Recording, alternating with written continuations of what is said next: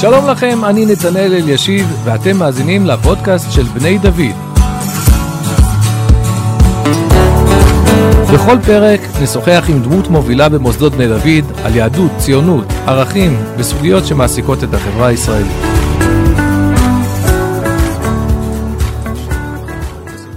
ברוך הבא להסכת של בני דוד. שלום, שלום. אנחנו כבר הרבה זמן רוצים לשוחח איתך, אה, בין השאר בגלל ש... אה, תחת הכותרת אנשי אמונה בעולם המעשה. אה, עולם המעשה בדרך כלל מתנקז אצל בוגרי בני דוד, אלה שככה קשורים ברוח, אז בסוף זה בדרך כלל מתנקז או לשירות צבאי, שירות קבע, או לתחום החקלאות סלש התיישבות, אה, או לתחום החינוך, או למגזר הציבורי. זה לא מעט, ארבעת התחומים האלו. אה, אבל אה, אתה לקחת את זה לכיוון של הכלכלה והחדשנות והטכנולוגיה במדינת ישראל. אלה תחומים מאוד חשובים, אבל הרבה פעמים עבור רבים מאיתנו זה מין אה, חור שחור, לא כל כך ברור, וגם לא, בעיקר לא ברור אם ואיך זה קשור לעולם הרוחני שלנו, ואתה כן מוצא קשר. אז לכן אנחנו מאוד שמחים לדבר איתך. לפני כן, תוכל לתת לנו קצת רקע, אה, מה הביא אותך במקור לבני דוד, אתה בוגר מחזור י"א, שהמכינה כבר אה, קיים, חיה, קיימת, אבל היא עדיין במתכונת, אפשר לומר, יחסית הראשונית שלה. ו... אז מה, מה בעצם הביא אותך לבני דוד עלי, אז בשנת 98 למניינם? נכון. וואה. מה הבאתי לבני דוד? הייתי פה בשבוע ישיבה. ולהיפגש גם עם הר"מים וגם עם האווירה שהייתה פה בקרב החבר'ה של רוח גדולה ואידיאליסטית שרואה ברצינות גם את העולם הרוח וגם את עולם החומר, גם את אה, העשייה הצבאית או האזרחית אחרי זה וגם את עולם התורה ולא אחד על חשבון השני, זה משהו שקיים כנראה בעוד מקומות, אבל פה זה, זה בטח מאוד בלט אה, לטובה. אז הדגל הזה שהוא רם פה דיבר אליך, ואתה מההתחלה הרגשת להמשיכה לכאן? לגמרי. לא הייתה התלבטות קשה בין עילי לבין... באתי לגבי עוד ישיבת הסדר כלשהי, אבל המקום הזה שכמו שאמרתי, גם הצבא וגם השירות האזרחי שאחרי זה, שדיברו עליו כבר אז בתור דגל משמעותי, קסם לי מאוד. אתה בכלל גדלת לא באופן הכי שגרתי, כי מצד אחד אתה אה, אה, גידול בעיקר של קרני שומרון, נכון? שם, אבל לא כל השנים האלה גדלת, היית בקרני שומרון. נכון מאוד, אז אנחנו נענו ונדנו בארץ ובעולם, אבא שלי היה בצבא קבע אז. אז בגיל שלוש כבר נסענו פעם ראשונה לשנתיים בארצות הברית, אה, בבוסטון, אה, מטעם צה"ל.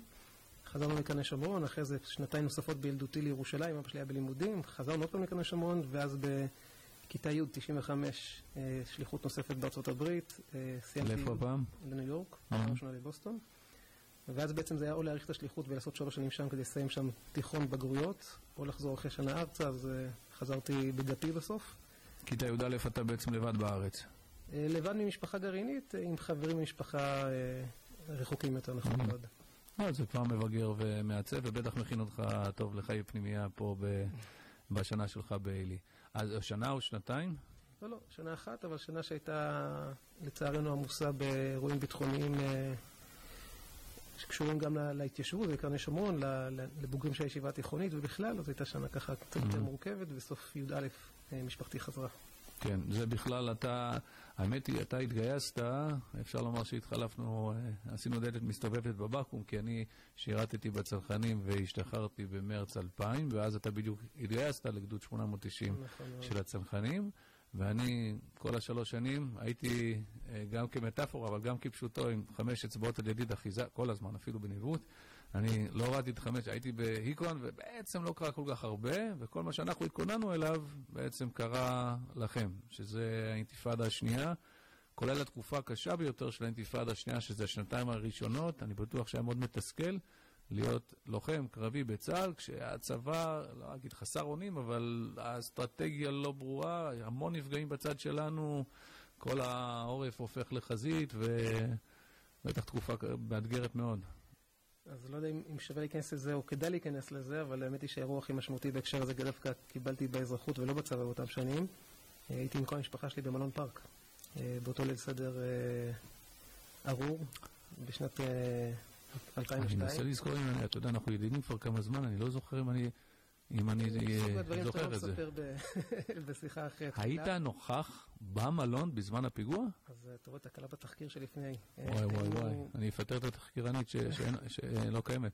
למי שלא יודע על מה אנחנו מדברים, אשרב, אה, רגע המהפך, שיא השפל של האינתיפאדה השנייה, שהוא הוביל ליציאה מהשפל ולמבצע חומת מגן, היה פיגוע זוועתי במיוחד במלון פארק בנתניה, בליל הסדר, המון אנשים, משפחות, בעיקר מבוגרים וזקנים, ו- שהתכנסו שם לעשות את ליל הסדר, ופיגוע נוראי עם עשרות רבות של הרוגים. שכבר היה ברור שאחרי זה, זה או לצאת פה לאופנסיבה כוללת, או לקפל את הבסטה שנקראת מדינת ישראל. זה, זה היה רגע כזה בהיסטוריה. נכון מאוד, אז, אז האמת היא שאנחנו מעולם לא עשינו ליל סדר במלון, ובאותה שנה סבא שלי, זיכרונו לברכה, היה לו חשוב שנהיה כולנו ביחד, משפחה כבר גדולה. והמזל זה שאמרנו, הנכדים, שלא אהבנו את הרעיון של לעשות את זה בצורה לא אינטימית, אמרנו, אם כבר עושים במלון, אז לפחות שנקבל אולם נפרד. לדעתי זה נסגר בבוקר של אותו, של אותו ליל סדר, ונתנו לנו אה, קומה אחת מעל, ה, מעל הלובי. מי שמכיר את מלון פארק, נכנסים מהדרך הראשית, אה, והקבלה נכ- נכנס ישר לתוך החדר אוכל, אין אפילו דלת, ואנחנו חזרנו מהתפילה, ואבא שלי שאל את הפקידה במקום, סתם כי זה הייתה כמו שאתה אומר, זה היה מרץ הארור, חודש מרץ, המון המון פיגועים באותה, באותה תקופה, סוף מרץ זה ליל הסדר, ואבא שלי שואל את, הפקידה, תגידי, איפה המאבטח? היא נתנה תשובה שככל הנראה נכונה, אמרה, הוא מפטרל פה מסביב, וכנראה שזה היה נכון. וסבא וסבתא שלי, אה, סבתא שלי נפטרה, אה, אשתו השנייה, ישבו ככה ב- בלובי, ואמרנו, טוב, בואו נעלה למעלה, הספקנו לעלות את המדרגות לקומה השנייה, לעמד ליד השולחן, לבקש את היין. אני אז באמצע אחד, אה, ואז הפיצוץ, ו... שמעתם בבירור. לא... שמענו, טולטלנו, הרגשנו, אה, טוב, לא ניכנס פה לכל הפרטים כי זו שיחה ארוכה וגם לא בטוח שזה הפורמט, אבל מצאתי עצמי עם כדור בקנה, אה, לא, לא איזה סיפור גבורה, כי לא היה את מי לפגוש שם בצד השני, אבל עם, כדור בקנה בעצם פותח זיגים. כן, יורד למטה לא, לאולם ומבין באותו רגע שאין סיכוי שיש פה מחבל בחיים, ולמעשה עומד שם, ראית מראות קשים מאוד, מה זה? עומד שם לבדי לחלוטין, עם נשק ביד, פורק את הנשק, ושתי דקות לבד, ואז עולה למעלה לקרוא לאבא שלי ולגיסי ולאחים שלי וכולי. שמע, זה מזעזע. ו- סיפור- ו- ו- ו- שאין כאן אבל המקום, אה, התמונה הזאת שאתה מצייר, היא מין אילוסטרציה לתקופה הזאת. זה החייל הגיבור עם ה... לא, הגיבור הלא גיבור. זאת אומרת, החייל הגיבור שמוכן להיות גיבור, אבל אין לו אויב אה, ברור מולו, והוא עם הנשק וכבר אין מה לעשות, וזוועה מסביב, ומין אה, חזרה ל... אה, זוועות גלות כאלה, זה פשוט אה, נורא. כן, אז, אז גיבור לא היה שם, כי עשינו, פשוט עבדנו על אוטומט מה, ש, מה שתרגלנו אה, לעשות. אני כן יכול לספר שכשחזרנו הביתה לילה אחרי, אז בדרך שמענו על האירוע של משפחת גביש, שהוא היה אה, מורה שלי בישיבה התיכונית בקרני שומרון. אז זה פיגוע שהיה באותו זמן. באלון מורה, ששם. אה, נהרגו ארבעה, אני חושב, בני משפחה, כולל אברהם גביש נכון. מסיירת מטכ"ל נכון. שהיה בבית הזה, וההורים, נכון? ואח שלו היה איתי בבה"ד 1 באותו זמן, ובעצם כשהוא הקפיצו אותנו לרכבת צפון, כשהוא הגיע לשם הוא לא תחזור מהר הביתה. אבל נראה לי שזה פחות... אה, פחות אישי. לא, אה, אני אשאל. אותך רק שאלה אחת, מה- שאתה מתאר בסוף זה בכל זאת אירוע מש- משמעותי. אתה יודע לומר איך הוא השפיע, איך הוא עיצב, או שאתה פשוט, אה, זה דברים שלעולם לא נדע. אה, אתה מדבר ברמה האישית או הקולקטיבית? ברמה אישית, אורי סבוביץ', אה, אנחנו פה בן אדם. בוא נגיד שיש, כמו שאמרת, אני לא מבוגרי בני דוד המהוללים אה, שעשו איזה קריירה צבאית, הייתי, הייתי שנה אחת בקבע, אבל ברמה האישית זה שריטה, יש שם מעל 30 הרוגים. אחד מהם אפילו הנשמתי, אבל קיצר לי, זה חוויה ישראלית לצערנו שכל כל אחד עובר פה בפורמט כזה או אחר, אבל אה, נראה לי זה הרבה יותר בלא מודע מאשר במודע איפה זה משפיע, אבל זה בטח יושב שם עמוק. שמע, כשנעשה את זה הפוך ואתה תשוחח איתי, אז אני אספר לך שכשהתחתנו, זה היה מול אה, אולם אה, ורסאי, שאולם חתונות שזה קרס תוך כדי חתונה, ממש מולנו. הרבה אנשים וואו. חשבו שזה אצלנו. וואו. אז אני מהבחינה הזאת יכול להתחבר לחוויה של מין אירוע לאומי גדול, שאתה בדיוק לידו והוא כאילו קשור אליך. אתה, אתה בסוף לא קשור, אבל אתה, אתה, אתה, אתה שם, וכל שנה בחדשות ומזכירים. אני את יום הנישואין למשל, אין לי את הבעיה של הבעל ששוכח את יום הנישואין, כי במשך הרבה שנים דיברו על זה בחדשות. ו... אצלנו אני יכול לספר שכל ליל סדר אבא שלי מתחיל, ואתה יודע, תמיד יש את הפרדוקס מה הזה. זה, פי שעמדה. כן, אבל את הפרדוקס הזה שאתה לכאורה מודה ואומר, ברוך השם הנס שנעשה לנו, ואתה חושב על 30 כן, משהו איש אה, כן. שלא נעשה להם, אם היינו עולים, אה, היינו מתמהמהים עוד כמה דקות, אז כנראה שהיינו חלק מהסטטיסטיקה. כן. אבל בסדר, זה חלק מהחוויה הישראלית, אבל אה, אני מבין. סוג הדברים שפחות יש עניין לפתוח, בטח בפורמט כזה. במהלך השירות הצבאי אתה גם אה, מתחתן, שזה גם נושא מעניין בפני עצמו, אבל ננסה להתמקד קצת בנושאים שלנו. ככה גם התחברת משפחתית לבני דוד, למשפחה של, של הרב יגאל לוינשטיין, ואתה משתחרר, וקודם כל עוד לפני שאתה משתחרר, אז לפני קורס קצינים, הצלחת להגשים איזה חלום של החיים, שזה ללמוד פה למשך כמה חודשים, נכון. אז זה- קראו לזה המכינה לחיים. אז זהו, זה התחיל מחזור או שניים לפניי, שחבר'ה שביקשו חל"ת לפני בה"ד 1, וזה היה תענוג ממש. כל מי שמתלבט אם להאריך את התקופת לימוד שלפני הצבא עוד כמה חודשים, או לעשות את זה באמצע הצבא, אז אם אפשר, כן. אני עשיתי את זה גם, עשיתי את החל"ת אה, כזה לפני הקורס קצינים, אבל בסוף לא עשיתי את הקורס קצינים, אבל את החל"ת עשיתי. הרווחת את החל"ת, כן. אז זה היה מדהים. סיימתי מסע כומתה עם חיילים שלי בתור מ"כ, והתחלתי ל- ממש לרוץ את כל המסע רק מתוך המחשבה שמחר אני כבר בבקו"ם ובבית ובבית מדרש. ועשיתי את זה עם עוד כמה חברים מהמחזור, וזה היה תענוג גדול. איזה יופי. חבל שזה לא משהו שהוא אה, מוסדר עד היום, אני חושב שזה יהיה רווח נקי, קודם כל לצבא, אה, נכון. שאנשים יעשו את זה. נכון. כמעט הייתי אומר, זה צריך להיות חלק מההכשרה שלך בבה"ד 1, אבל אני לא רוצה להדליק פה את אה, אה, דיוני הקצין חינוך ראשי מול ה- מול הרבנות וכולי. בכל מקרה, אז אה, מצוין. אחר כך אתה משתחרר ואתה חוזר לכאן לעוד שנתיים. נכון. ובתקופה הזאת, אם אני שואל אותך, האם זה הגיוני שאתה נכנס חזק לעולם הכלכלי-טכנולוגי, אז אתה, אתה, זה היה רחוק ממך. ממש. קודם כל, באותה תקופה היה גם את ההתנתקות וכל מה שקשור לזה. אה, למדתי בין 2003 ל-2005, סוף 2003 לסוף 2005. חווית את כל החוויות לא, אני, המעניינות. כולנו, כולנו כן. חווינו את הכל. אחד קיבל את זה בפיגוע באזרחות ואחד בצבא, אבל כולנו חווינו את ההתנתקות. אה, ולמעשה היה לי ברור שאני הולך לעסוק בחינוך באותה תקופה. אה, אבל כנכד לרמב"מיסט, אה, שאולי נזכיר אותו גם בהמשך, תמיד אמר שחיים שייך מקצוע אחר. אז הלכתי ללמוד כלכלה. אה, התלבטתי בין כלכלה לפ- לפסיכולוגיה, הלכתי לכלכלה. אל תדלג, מי זה הרמב"מיסט? אז סבא שלי, דוקטור אורי לוי, שזיכרונו לברכה, היה מומחה גדול אה, לפוריות. הרבה מאוד מ- מהאנשים שאיכשהו שמעתי בצורה כזו או אחרת הגיעו אליו לפוריה באופן אה, סימבולי. מהמם. אה, והוא תמיד אמר שגם מי שלומד תורה חשוב שיהיה לו מקצוע אחר. ולכן אה, נמשכתי לעולם המספרים, התלבטתי פסיכולוגיה לכלכלה, בסוף הלכתי ללמוד כלכלה. והמשכתי לעסוק בחינוך לא פורמלי, הייתי מדריך במסע ישראלי, ולימדתי מחשבת ישראל בקורס גיור של נתיב, והייתי במדרשת להב, ואחרי זה בפנימה. וסיימתי תואר ראשון, וכבר הייתי באמצע תואר שני במימון, ואז המשבר הכלכלי הגדול של 2008, וכל העולם החינוך הלא פורמלי. משבר הסאב פריים, משבר הסאב פריים, נכון. מאוד. כאשר בארצות הברית הבנקים נתנו חופשי חופשי הלוואות ללא שום בסיס, ואנשים בנו על זה שהבתים שלהם שווים המון, עד שהסתבר שזאת בועה שהתנפחה, ואז כשהם ניסו להחזיר את זה, אז הם באו למכור את הבתים, והסתבר שהבתים לא שווים כלום, ולקחו להם הרבה אנשים בתים, והעסק קרס, נכון. זה היה המשבר של 2008. איך זה השפיע עליך? כל זמן שהריבית הייתה אה, נמוכה ותשלומי המשכנתה היו נמוכים וערך הבתים עלה, הכל היה נפלא, בשלב מסוים זה התהפך וזה קרס כמו שאתה אומר ובנקים התחילו ליפול. זה השפיע עליי כי אותן עמותות שעבדתי בהן חטפו מכה רצינית אה, מתורמים, היה גם את הסיפור של מיידוף, מי שזוכר, אה, ברני מיידוף, יהודי שלא הביא הרבה כבוד עוד יהודי טוב. לפירמה. שחיזק את התיאוריות אה, של הפרוטוקולים של זקני ציון.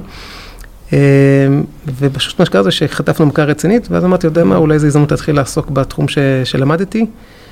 אה, ואז עברתי בעצם לבנק ישראל. לא, זה מאוד מעניין, בגלל שרוב האנשים שעוסקים בחינוך, שיש להם את הדרייב הזה, אה, לא רק שהם לא עוסקים בכלכלה, יש להם איזושהי אלרגיה לכלכלה. כביכול הקדוש ברוך הוא מחשיך בפניהם את המספרים כדי שהם יעסקו ב...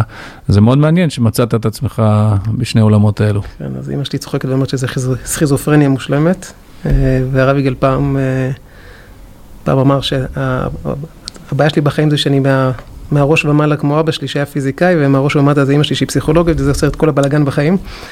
אז, אה, אז נכון, אבל באותה תקופה שהתחלתי לעבוד בבנק ישראל, עוד המשכתי מהצד קצת ללמד, וקבוצת לימוד של דתיים חילונים, ועוד קצת להדריך טיולים והכל.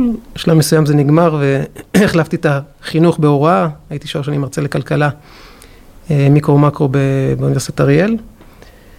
אה, 2013, תוכנית אה, מעוז, שגם קצת פתחה את הראש לעשות אולי דברים אחרים. וזהו, ב-2015, אחרי שש שנים בבנק ישראל, אה, מה, מה, מה קרה, מה, איך, איך תוכנית מעוז, אה, אני, אני גם מכיר את התוכנית כמובן, כן. אבל אה, איך, איך זה, אה, בוא נגיד ככה, יש בדרך כלל אנשים שבאים מהעולם שלנו, איזשהו הלם, כל אחד חווה את ההלם שלו, אבל יש איזה הלם במפגש, במעוז אתה פוגש הרבה מנהיגים, אנשים מוכשרים וטובים, אבל עם דעות מאוד מאוד שונות מכל הסוגים, מכל הקשת. כן. ואיפשהו הרבה פעמים אצלנו מגדירים עבורך מה אמור לחשוב החילוני, מה אמור לחשוב החרדי, מה אמור לחשוב, ופתאום אתה פוגש אותם, הם לא בדיוק, הם, למה אתה לא חילוני כמו שאתה אמור להיות לפי הספרים? למה אתה לא חרדי כמו ש... נכון. אז אני ב-2013, אני מזכיר לך, הייתי במחזור שעוד לא היו בו לא חרדים ולא ערבים. אז הסיפור היה רק דתיים וחילונים, זה היה פחות מורכב מהיום.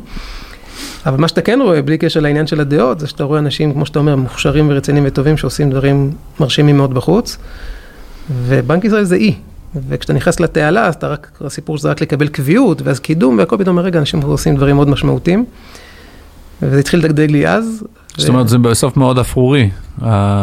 לא, לא אפורי, דווקא הייתי, ב, הייתי יועץ לוועדה המוניטרית ולנגיד אז על החלטות ריבית, פעם בחודש היה שם את הישיבה, ולא כל חודש, אבל פעם בחודשיים שלושה הייתי מציג שם על המצב של המקרו. בסוף אנשים יודעים שבנק ישראל קובע להם את הריבית, לא הרבה יותר מבינים. עושה עוד כמה דברים, אני הייתי קשור באמת לעולם. וקונה את הדולרים כש... קונה דולרים, מפקח על הבנקים. מי היה? אז פישר, סטנלי פישר. סטנלי פישר וקרנית פלוג באותם ימים, נכון. נוצר מעניין, סתם נוצר קצת קשר אישי, דיבור יומיומי עם אנשים כאלה. אז קודם כל, שניהם אנשים מאוד מאוד נחמדים ומאוד צנועים. אה, אני לא יודע כמה, איך אנשים תופסים אותם בתקשורת. אהבו מאוד את סטנלי פישר, כי הוא אמר שהוא לא מבין את ה... בזמנו הוא אמר שהוא קיבל תלוש משכורת ולא הצליח להבין בכלל את, את התלוש, שזה כל כך מסובך פה בארץ, אז הרבה הזדהו איתו. אז סטנלי פישר זה היה קצת, קצת תחושה שאני עובד על עצמי, כי אני הייתי יושב שם בפני אה, כל הדוקטורים, ככה שמבינים הרבה יותר ממני בכלכלה. ובמשך 40 אה, דקות הייתי אמור להעביר מצגת על מה שקורה בעולם, במקרו-כלכלה בעולם, בשווקים הפיננסיים, והייתי אומר לו מה אני חושב שארצות הברית תעשה לאור המצב וכולי. כשהנגיד האמריקאי באותו זמן, בן ברננקי, בכלל סטודנט, היה סטודנט בדוקטורט שלו של סטנלי פישר, ומרים אליו טלפון להתייעץ איתו. ואתה מסביר לו... אז אני מסביר לו, סטנלי פישר היה מתאפץ ככה לגמרי חצי מהמצגת, ואז פותח את העיניים ואומר לי, תחזור שקף אחורה, מה, מה זה הקום הסגול שם? ואז היה ככה, אתה חייב להישאר חד לגמרי עם השאלות שלו. איש מאוד מאוד חביב, מאוד. וגם, וגם קרנית פלוג. יפה מאוד. אז בכל, בכל מקרה אתה מתחיל אה, להיות, לקבל אה, אולי השראה מהדברים שאתה רואה שאנשים עושים, ואומר, הגיע הזמן לתחנה הבאה. מהי התחנה הבאה? אז התחנה הבאה זה שחבר שגם למד פה מחזור מעליי, שלמה מירביס, הוא אומר לי, תשמע, אה, המדען הראשי במשרד הכלכלה, היום זה נקרא רשות החדשנות, הגוף הממשלתי, שבעצם אחראי כל, כל ההייטק ועל תמרוץ של סטארט-אפים לחדשנות וכולי, מחפש ראש מטה. אה, ויאללה, תגיש מועמדות. ואני אומר לו, תשמע, אני, אני כל כך לא טכנולוג ולא מבין בטכנולוגיה, חבל הזמן. הוא אמר לי, לא, כדאי לך פה, שם זה, ואני בעצם הולך להיפגש אה, עם אבי חסון, מי שאז היה המדען הראשי. איש יקר וחכם ו- ו- וחשוב, ומתלהב מאוד. באותה תקופה, אני כחלק מהסכיזופרניה, אה, הציעו לי ברשת עמית לנהל תיכון. הם הביאו אז באותה תקופה אנשים מחוץ למערכת ככה פנימה, וכמעט נסגר. הייתי כבר בקבושת חפיפה עם בוגר מחזור אחר פה. ובסוף מחליט שלחינוך אפשר לחזור. מי מאיתנו לא התלבט בניהול תיכון לבין אה, ראש מטה ברשות החדשנות? לא, אז כל אחד והדילמה שלו, אבל, אבל הלכתי להיות ראש מטה שלו לשנתיים האחרונות שלו בקדנציה. באותה תקופה זה, הקימו, זה... הקימו את רשות החדשנות, גוף סטטוטורי עצמאי פעם ראשונה, אז uh, הייתה תקופה מרתקת uh, לחוות את זה. לחוות את זה וגם להסתובב איתו המון בעולם, ולראות את ההערצה, ההערצה לא רק של מדינות uh, מתפת, uh, מתפתחות, גם מדינות מפותחות. לכלכלה הישראלית, לאקוסיסטם הישראלית, לחדשנות הישראלית. אז בואו נדבר על זה טיפה, למרות שאנחנו קופצים אה, אה, להווה, אבל התחלת להתעסק בזה אז. אה, מה ישראלי ממוצע יודע? הוא יודע קודם כל שההייטק פה מצליח, נכון. שזה הקטר של הכלכלה. נכון. הוא גם יודע שזה קצת מועדון סגור, זאת אומרת, יש מדינה אחת כביכול במדינת ישראל שהיא קשורה לעולם של ההייטק והיא מצמיחה את האנשים שמגיעים לשם, ויש אחרים שהם לא, אני לא אגיד שהם אה, מודרים בכוונה תחילה, אבל זה כאילו לא קשור לחיים שלהם. זאת אומרת, לא כולם נהנים ישירות, בעקיפין כולם, אבל מזה. אה, ומצד שלישי יודעים שיש בעיית פריון קשה בכלכלה הישראלית. ומה מה, מה הטייק שלך, אומרים, על, ה, על, על, על כל הסיפור הזה? איך, איך זה נתפס באמת? אתה ראית איך מסתכלים עלינו בעולם. איך באמת מסתכלים על הכלכלה הישראלית? השאלה היא על, על ההייטק או על הכלכלה הישראלית? שניהם. שניהם. אז בהייטק ישראל מאוד מאוד מאוד בולטת לטובה, אה, בהרבה מאוד בחינות, ברמת ה... קודם כל ברמת אה, אה, שיעור הצעירים פה שמסיימים מאוניברסיטה, שכמובן זה מתחיל משם. ממשיך בכמות הפטנטים שנרשמים פה, ממשיך בכמות הסטארט-אפים שיש פה פר נפש. מקום שני בעולם? או סליחה, סטארט-אפ פר נפש אולי אפילו ראשונים. אני חושב שזה מקום ראשון. כמות הכסף שמושקע פה ב-R&D, במחקר ופיתוח, ראשון בעולם. הרבה מאוד בחינות ישראל מובילה ממש. אוקיי, מה נותן לנו את היתרון היחסי? ברוך השם, עם ישראל, עם חכם ונבון, זה כתוב כבר בתורה. זה העניין? אז יש לי מעבר לזה. אז תמיד מדברים על זה שלהפוך את הלימון ללימונדה. יש פה כמה, כמה דברים שייחודים לישראל, שהם מגבלות משמעותיות, שיצרו פה באופן יצירתי יתרונות. נתחיל מזה שישראל היא, היא בלב מדבר. והייתה פה בעיות, אנחנו בגיל שעוד זוכרים את הפרסומות שהיינו ילדים על חבל על כל טיפה וכולי, אז כמדינה בלב מדבר, אנחנו אלופי העולם בכל מה שקשור למחזור מים ולטיהור מים. ברמה שבמערב ארה"ב מתייעצים עם ישראל בהקשר הזה. אנחנו מדינה מוקפת אויבים. אז אתה חייב צבא קטן וחכם, ויש הרבה spillover מ- R&D בצבא ל- R&D אחרי זה באזרחות. אז, אז בערך בתקופה הזאת אני זוכר שכתבו את הספר Start-Up Nation נכון, שקראתי, נכון. שאומר שלא רק שהשירות הצבאי לא פוגע בכלכלה הישראלית, כי לכאורה בגיל שבו אתה... באוניברסיטה, אנשים פה בצבא, בדיוק להפך, שאנשים כל כך צעירים מקבלים את ההזדמנות לקבל אחריות ולפתח מנהיגות ולעסוק במערכות רציניות. איזה מקום בעולם, בחור בן 21-22, יש לו אחריות שהוא מוביל אחריו אנשים, יש לו משימה שהוא חייב להצליח כי אחרת אנשים ימותו. יש הירתמות של צוות אחרי מנהיג, ובעיקר טכנולוגיה, כלומר, אנחנו שנינו מהטמבלים שהלכנו לצנחנים, אבל היחידות הטכנולוגיות, יש מתחתנו כמה מקומות. כן, יש... חלק גדול מאוד מהטכנולוגיה והחדשנות הישראלית מגיע בעצם מהתעשייה הביטחונית.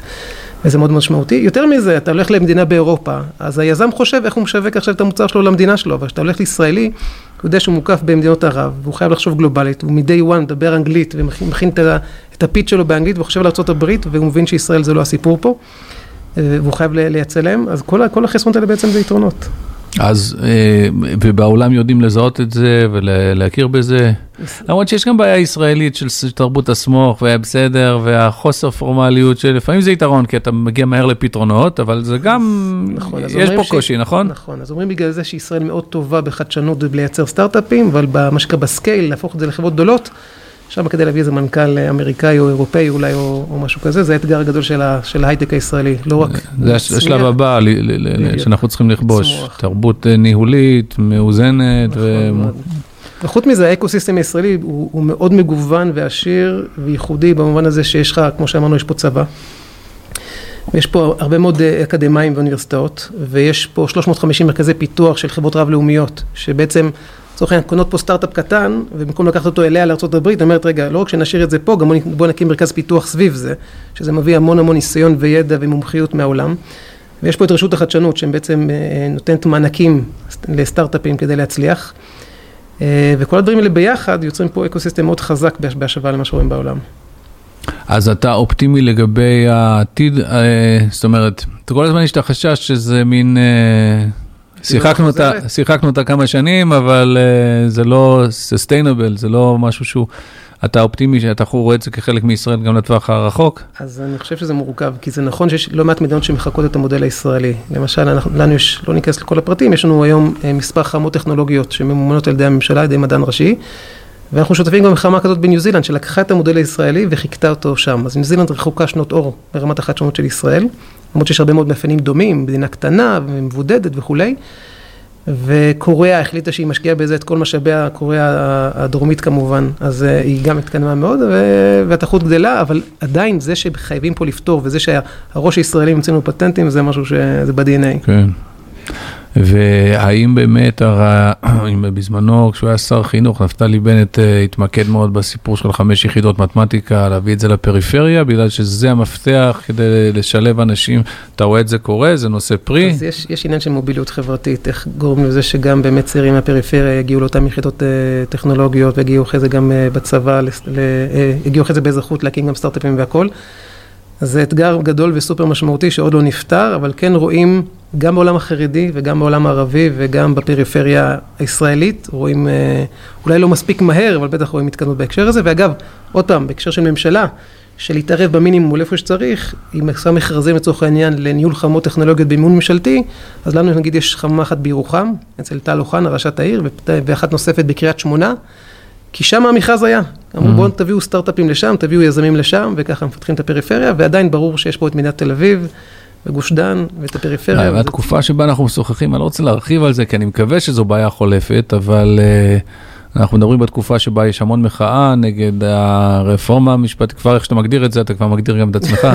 רפורמה, הפיכה משפטית, שלטונית, בקיצור, אז uh, יש המון מתח היום בארץ והמון מחאות, ולהייטק יש חלק בזה. זאת אומרת, זו פעם ראשונה שאנחנו רואים אותם, או לפחות uh, אנשים שמדברים בשמם, אני לא יודע עד כמה מייצגים את כל הענף, אבל שהם הפכו להיות שחקן פה בדבר הזה, הם חלק uh, משמעותי במחאה, כולל איומים. אה, להוציא את הכסף מכאן, ואתה יודע, זה במין אמתלה של... ש, שאם המדיניות הזאת אה, יאמצו אותה, אז לא תהיה ברירה, אלא, אבל בסוף זה גם נבואות שמגשימות את עצמן, ו... אז שווה להגיד על זה כמה מילים. קודם כל, רק להבין למה, למה הייטק כל כך משמעותי. אני מדבר כרגע על, על, לא על החברות הציבוריות, אלא דווקא על סטארט-אפים, שזה מה שבעצם מזין, מזין את הכלכלה, ו, וגם אחרי זה הופך לחברות גדולות. ב-2013, לפני עשר שנים, כמות הכסף שהושקעו בסטארט-אפים בישראל, 2.2 מיליארד דולר, אוקיי? ב-2020, שמונה שנים אחרי זה, שברנו שיא, שבע שנים אחרי זה, עשר וחצי, עשרה וחצי מיליארד דולר, באופן יחסי לגודל האוכלוסייה, זה, זה פנומנלי. שנה אחרי זה, 2021, 25 מיליארד דולר. כלומר, וואו. אמרנו, מה הולך פה? זה כבר אקספוננציאלי, זה לא הגיוני. 2022, בגלל uh, המשבר הפיננסי בעולם והכל, זה ירד חזרה לאזור ה-15 מיליארד דולר. הסכומי עתק באמת. Um, שני דברים לגבי זה. א', עיקר האנשים שמוציאים כיום את הכסף שלהם מישראל, זה לא הזרים, זה הישראלים. ואני לא אגיד שם, אבל גוף פיננסי מאוד גדול בעולם, אמר שכל מה שהוא שומע, את הבהלה שהוא שומע זה משקיעים ישראלים. לי יש חבר, בוגר, ש... בוגר מוז שאתה מכיר גם כן, שמנהל בנק אה, השקעות זר בארץ, לא אגיד איזה, והוא מספר לי שהוא אמור לקחת כסף ישראלי להשקיע אותו בחו"ל, הוא אומר, שמע, עוד לא עבר חודש ואני כבר עומד ביעדים הרבעוניים שלי. זה ישראלים שמוציאים כסף, רואים הרבה פחות זרים שמוציאים, גם יש, אה, בנק ישראל מראה את התנועות של המטח פנימה והחוצה, עוד לא רואים משהו דרמטי.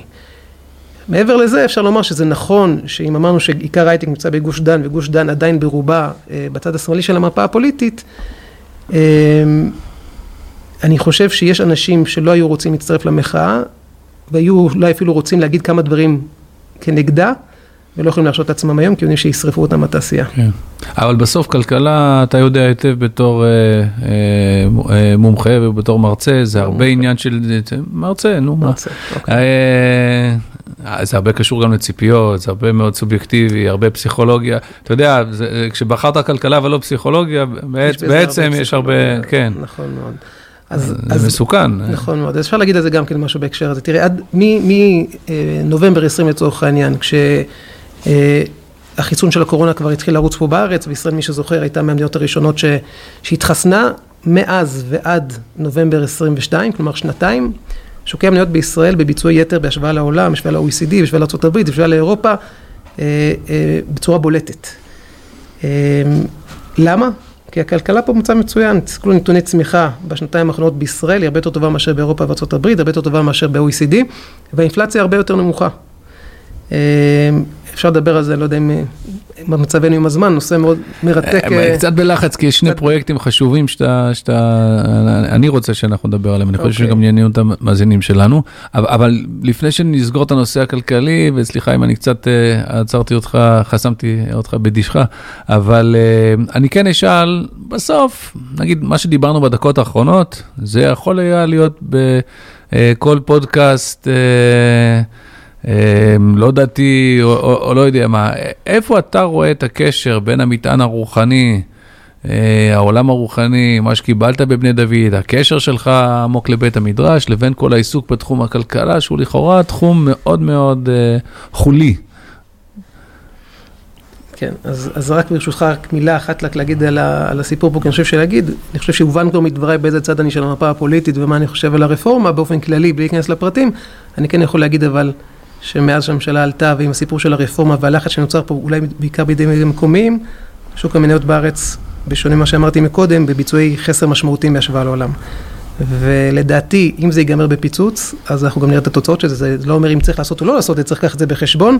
ואם זה ייגמר איכשהו בפשרה, ויבינו שהילדים החליטו לחיות בשלום אחד עם השני, אז זה, זה יתהפך בחזרה. אה, בנוגע לשאלתך... האמירה חשובה, ויש תחושה שהמון אנשים אומרים את זה, ואיכשהו האנשים המשפיעים מכאן ומכאן הם היחידים שלא מבינים את זה, ואני מקווה שזה... שמבינים, ועדיין כל אחד מושך קצת יותר מהצד שלו. אני מקווה שבמהרה, עד שהשיחה הזאת תעלה, אני מקווה שנהיה במצב יותר טוב ממה שאנחנו עכשיו. אבל... ביחס לשאלה שלך, אני לא חושב שכלכלה היא משהו ייחודי, אני חושב שכל אחד, אה, לא משנה מה הוא בוחר לעשות בחיים, כל שאלה זה מתוך מה זה נובע, ולא חושב שיש לי משהו מיוחד להגיד בהקשר הזה ביחס לאחרים, אני חושב שכל מי שמחובר לעולם, לעולם הרוחני ולתורה וכולי, אז הוא פועל מתוך מקום מסוים. אני אציע אולי שני דברים, תגיד לי אם זה, זה מתחבר למה שאתה יכול. קודם כל, ככל שאדם מבין את הערך הרוחני, אפילו הייתי אומר, הקדושה של מדינת ישראל, אז הוא מבין שבסוף המדינה הזאת היא אה, סולם מוצב ארצה וראשו מגיע השמיימה, הסולם המוצב ארצה זה, זו, זו הכלכלה. אז יש דרך להגיד, אני עוסק בכלכלה בצורה מקצועית והכול, אבל זה הכלכלה של מדינת ישראל, זה הכלכלה של... אז, אז זה, זה צריך להתפשט עד ל... אז כן, אני מבין לגמרי את השאלה. אני פשוט לא חושב שיש לי משהו ייחודי להוסיף פה בהשוואה לאחרים שדיברו פה וגם באים מקצועות אחרים. אני כן יכול לומר שלשמוע את העולם מדבר על הכלכלה הישראלית, בעיקר על החדשנות הישראלית, זה ממש להרגיש כמו לקרוא, לפתוח ספרי נבואה של אחרית הימים. היה לנו את כנס המשקיעים שלנו לפני חמישה שבועות, הגיעו מ-85 מדינות, היה שם את... אה, אה, ADIO, זה אבו דאבי Investment Office, כן? זה איש שמנהל משרד ממשלתי מאבו דאבי, מדבר על הבמה על מה הוא רואה בישראל ולמה הוא כל כך רוצה לבוא לפה, ואתה פשוט משפשף את העיניים, אז בהקשר הזה זה ממש אה, חזון אחרית הימים. הרבה פעמים הכלכלה מקדם, אומרים שהאומנות היא, מקדם, היא, היא מקדימה, סליחה, את זמנה, אבל גם הכלכלה היא הרבה פעמים מקדימה, בחיבורים שיש היום, כן. ואולי כן. בסוף השלום הכלכלי הוא זה שיהיה הקטר של שלום בכלל. ופתרון הסכסוך הישראלי-ערבי. והדבר השני, וזה פשוט בגלל שאני מכיר אותך, אני חושב שבמקומות שבהם אתה פעיל, אה, עוד, לא, עוד לא דיברנו על, על אאורקראוד ישירות, קרן הון סיכון הכי גדולה בארץ, שאתה כבר שש שנים שם, אתה פשוט אה, בנוף האנושי קצת יוצא דופן. אז אני בטוח שזה מייצר המון מפגשים.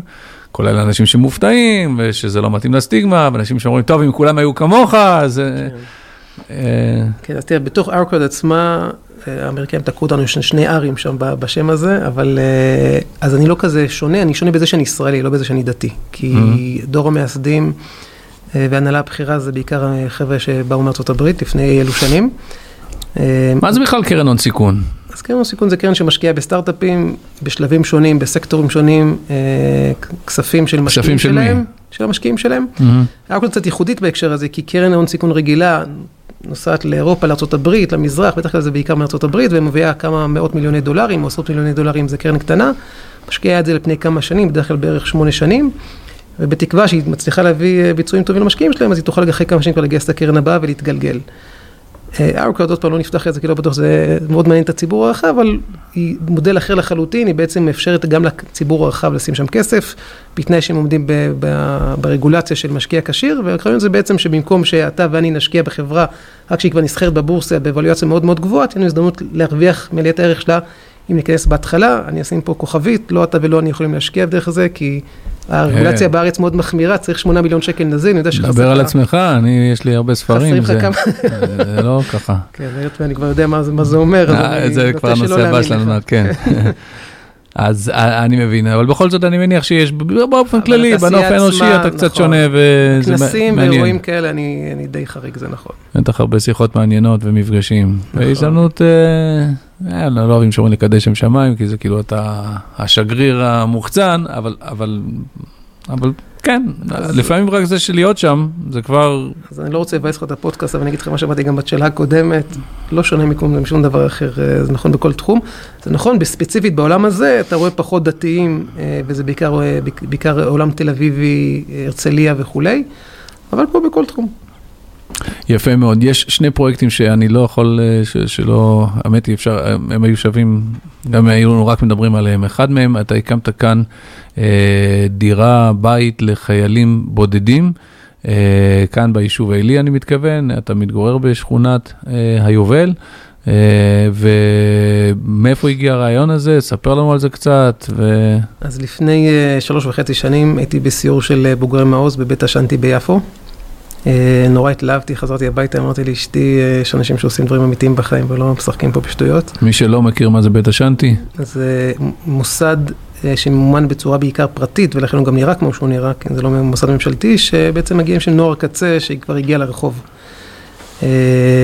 ומקום מאוד מאוד מושקע ומטפח וכולי, ואני נורא התלהבתי, אמרתי, וואי, בא לי להקים משהו כזה אצלי ביישוב, וביקשתי מדורון לבנת, שהוא גם בוועד המנהל של מעוז, וגם השנטי, אמרתי, בוא תעשו סיור פרטי לכמה חבר'ה מעלי שעוסקים בתחום הטיפול, אני אביא איתי, ונראה איך אפשר לחקות את המודל. הוא היה מאוד אדיב לעשות את זה, הוא ומר יומה, שאחרי זה קיבלה פרס ישראל על המוסד שלה, אה, ואירחו אותנו כמה אנשים מעלי, ונורא התלהבנו, היינו בטוחים שאנחנו הולכים לעשות את זה. התחלנו פגישות במועצה, ואמרו לי, תשמע, אתה נורא חמוד שאתה רוצה לעשות משהו כזה. במועצה האזורית. נכון, לא יקרה. ולא נפרט, הרבה מאוד סיבות נכונות וטובות. אוקיי, בסדר.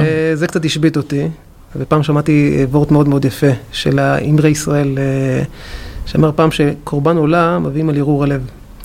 אז על דרך החסידות הוא אומר, ערעור הלב של עבירה, ערעור עבירה יש לכולם, זה אל תתרגש. אבל ערעור טוב שיש לך ונתת לו לברוח לך, אז אתה צריך לעשות, לתת אה, קורבן עולה.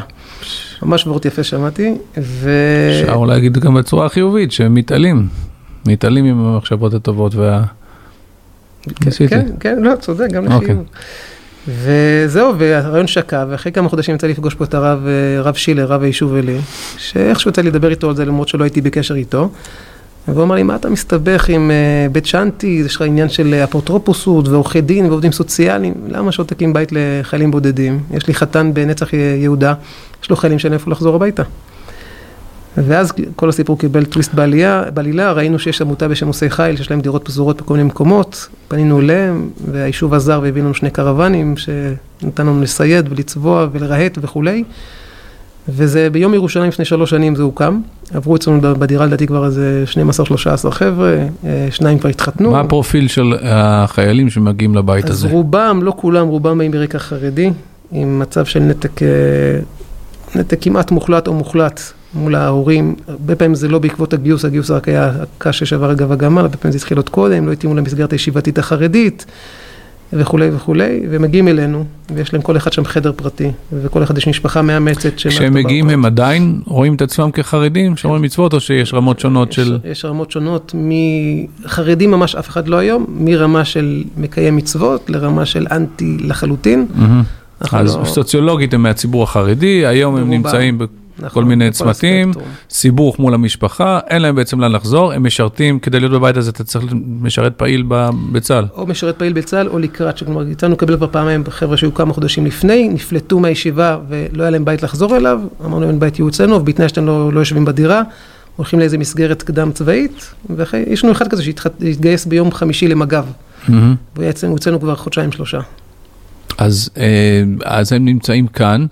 זה בשבילם כמו מדינה אחרת. הכל פה שונה מאוד ממה שהם מכירים. נכון, נכון. כי גם כשהם השתובבו והשתבבו, זה היה במקומות אה, אולי לא חרדים, אבל אה, מקום כזה הם לא ראו. אז אני יכול להגיד בגלל זה שאמרתי שאנחנו לא אכפת לנו אם הבן אדם היום מגדיר את עצמו כדתי או לא דתי, זה אנחנו מבחינתו בית. מניסיון יצא שבגלל, כמו שאתה אומר, שאלי בכלל וגבעת עד בפרט, לא בדיוק אה, מרכז העיר, חבר'ה שהם לא דתיים, שלב מסוים החליטו שהם משעמם פה מדי ועזבו.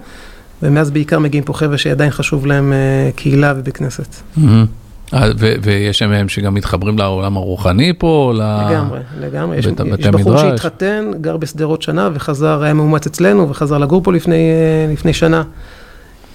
יש הכל. מה המעורבות שלך היום בבתים האלה? או שאתה רק הקמת ו... אז אני כאילו, מה שנקרא, מרכז את זה. אה, ומשפחות בטח מעורבות באירוח. הרעיון זה, זה לא פרויקט שלי, היום זה לגמרי, מלכתחילה כשזה הוקם היה איזו התאספות של השכונה, וזה היה כמו ב, להבדיל בחתונות נוצריות, אה, תתנגדו עכשיו או שתשתקעו לנצח. באנגלית זה נשמע יותר טוב, אז... Okay. אוקיי. אז הרעיון היה שזה יהיה פרויקט קהילתי, זה לגמרי לא פרויקט שלי. אני במקרה המייסד ומרכז את זה היום, אבל משפחות מכל השכונה מארחות אותן לארוחות, וגם כל אחד יש משפחה יהודית שמאמצת. אני, אני השטחן בדרך כלל אה, אה, והמש"ק ת"ש. אין את הזמנים שנתקעים, שאין מי שמארח, שתמיד יש אנשים. אין דבר כזה. זה עצמו דבר נפלא, ואני בטוח שזה גם אה, מרומם ומקדם את הקהילה, לא פחות מאשר את האנשים שזה בא נכון. לעזור להם. והפרויקט השני שרציתי שתספר לנו עליו קצת, אה, אתה במשך שנתיים, שלוש או יותר, תגיד לי, בעצם כותב דברי תורה על בסיס שבועי, פרשת שבוע, במין שילוב ככה של הרב קוק, ומשהו אקטואלי, ומשהו בהיר והנגשה. אה, הגדרתי את זה נכון? אז אה, כן, אז, הזכרתי מקודם, זה סבא הרמב"מיסט, אז הוא היה שולח לנו כל שבת אה, משהו על פרשת שבוע בהקשר לרמב"ם. ואחרי שהוא נפטר, אז המשיכו לשלוח בשמו, שנה, נגמרה השנה, דודה שלי אומרת, יאללה, תוכל להחליף. ואני התנגדתי נחרצות, אמרתי, מאיפה אני אביא עכשיו דבר תורה פתאום לכל המשפחה המורחבת. עד שאיזה קרוב משפחה, שהוא כבר לא דתי היום, אמרת, שמע, יש לך משהו בשבילי לשבת, לי ולחברה שלי. אבל שידבר אליי, שיהיה רלוונטי לחיים שלי. כלומר, פחות עניין אותו איזה... ואז אה, זה היה ככה הזדמנות, בעיקר בזכות הקורונה, שנחסכה לי שעה וחצי נסיעה לכל כיוון, זה התחיל לפני שלוש שנים. אה, והרעיון היה בעצם לקחת נושא מהפרשת שבוע שמאוד מדבר אליי היום כיהודי ישראלי בתשפ"ג, אז זה היה תשפ"א, 2021. אבל להנגיש את זה בצורה כזאת שכל המשפחה המורחבת המאוד מאוד מגוונת שלי, אה, דתיים וחילונים ועוד כל מיני גיוונים נוספים, יוכלו להרגיש שם בבית. וכדי שיוכלו להרגיש שם בבית, הרעיון הזה שהחלק הראשון של כל דבר תורה יהיה אוניברסלי לחלוטין. זה יכול להיות אה, קטע של ביאליק, שיר של רחל המשוררת, נאום של צ'רצ'יל, הבעלה לזהב בקליפורניה, אה, סלינגמן, פרופסור סלינגמן שהמציא את הפסיכולוגיה החיובית, מחלוקת של פילוסופים. אוניברסלי לחלוטין, אבל שיהיה קשור מאוד לפרשה, כי השלב הבא כבר יהיה פרשת שבוע, ומשם פסקה של הרב קוק. אמ, וזה, לא האמנתי ולא דמיינתי שזה יקרה, זה לחלוטין לא היה בתוכניות. ומה שקרה זה שזה היה לקבוצת וואטסאפ משפחתית, ולאט לאט זה זרם קצת החוצה לחבר חילוני כזה או אחר, או, או מישהי שאני עובד מולה בעבודה וכולי. אה, ובסוף עבר... רשימת התפוצה הזאת מגיעה לכמה אנשים בשיאה? אז לאחרונה נפתחה קבוצת וואטסאפ עם 550 אה, אה, אנשים שאת רובם אני לא מכיר, דת, אבל אני כן יודע שבערך דת, חצי דתיים חילונים, כי אני יודע מי האנשים שהביאו את האנשים. ואז שני uh, חברים יקרים פה מהמכינה, הרב פנחס עציון והרב ישי צור, uh, אמרו שלקראת סוף שנה, טוב, חייבים להוציא את זה כספר. הושקע בזה המון המון שעות, בין, בין 6 ל-8 שעות בשבוע לסיפור הזה, בעיקר סינדלרתי את עצמי עם זה שחייב להיות שם פסקה של הרב קוק כל פעם. ואני uh, מתנגד בחריפות בטענה שככלכלן, אם מישהו עם תואר ראשון בכלכלה יוצא ספר בכלכלה, אני לא בדיוק אכבד אותו, אמרתי, מישהו שלא רב ולא תמיד חכם לא צריך להוציא ספר תורני. To cut a long story short, בסוף... כל uh, הרבנים והתורנים אמרו לך, תוציא. אז זו שיטה אגב, אם אתה אומר, אני ראוי להוציא ספר, כולם יגידו לך שלא, אם אתה רוצה להוציא ספר, תגיד שאתה לא ראוי, ואז יגידו לך שאתה ראוי, זה עובד מעולה. אבל uh, בסוף, בעיקר בזכות פידבק מהציבור, שהוא לאו דווקא תורני, ישיבתי, שראה שזה מדבר אליו ומונגש אליו, ובעיקר אקטואלי כלפיו, כלומר, אני יכול למצוא את עצמי בכל פרשה, איפה זה מדבר אליי ולמה זה, נגיד, פרשת שבוע עכשיו, פקודי, ויקל היה ל... איך שמה זה היה מחובר. הלו, תפקיד האומנות בחיים שלנו. כולנו מתעסקים באומנות, יכול להיות... מי שמצליח לכתוב משהו מעניין על הפרשות של המשכן, הוא מובטח ששאר הספר יהיה גם כן מעניין. זה תמיד מאתגר את הדרשנים, כבר אלפי שנים, כן. ספר ויקרא. אני יכול להעיד כמי שקרא הרבה מהדברי תורה האלה שהם באמת אה, יפים, בהירים, יש בהם אמת ויש בהם גם, אה, אה, הם, הם נעימים ומעוררים השראה, ואני ממליץ בחום. הספר יצא לאור ממש לאחרונה. אז זהו, הספר יצא לאור גם בסיפור מצחיק, כמו שאמרתי קודם, אני התנגדתי לסיפור עד שעמותה בשם עושי חיל, שמתעסקת בזהות יהודית באוניברסיטאות. איכשהו זה הגיע אליהם, ואז הם ביקשו לקנות אלף ספרים. עכשיו, אני נבהלתי, כי א', לא היה ספר, שתיים, כי ראש העמותה, איש יקר ומתוק, הרב קובי וולק, הוא עם קידומת הרב, ואני כמובן בלי קידומת הרב, והוא לא הכיר אותי. אמרתי לו, קובי ברוק, ניפגש, תראה אם יש לך עסק, שתבין שאתה לא קונה ספר של הרב, ואז, ואז נסגור עניינים. וזהו, ומאז זה יצא, וממצב שהתנגדתי לגמרי, היום אני במקום שאני מחפש... אה, יש, אני חושב שיש ציבור לא קטן בישראל, אפרופו הכיתוב החברתי שנמצא היום, שמעוניין ביהדות ומעוניין בערכים ומעוניין שזה פשוט ידבר ויונגש אליו, ואין שם חידושים רוחניים עמוקים, מישהו חשב, אבל אני חושב שיש שם הנגשה דרך העולם האוניברסלי אה, לחיים שלנו היום. אגב, אני רק אגיד איזה מילה, שיש איזה חברה שרצתה עכשיו, חברת תרופות, שהמנכ"ל שלה קורא את זה כל שבוע, רצה להזמין 150 עותקים, התקשר אליי בסוף שבוע שעבר, אמר לי, תשמע, בגלל מה שקורה עכשיו במדינה, הוא לא דתי, והסמנכ"ל כספים שלו לא דתי, שני אנשים לא דתיים, אבל קוראים את הפרשת שבוע כל שבוע.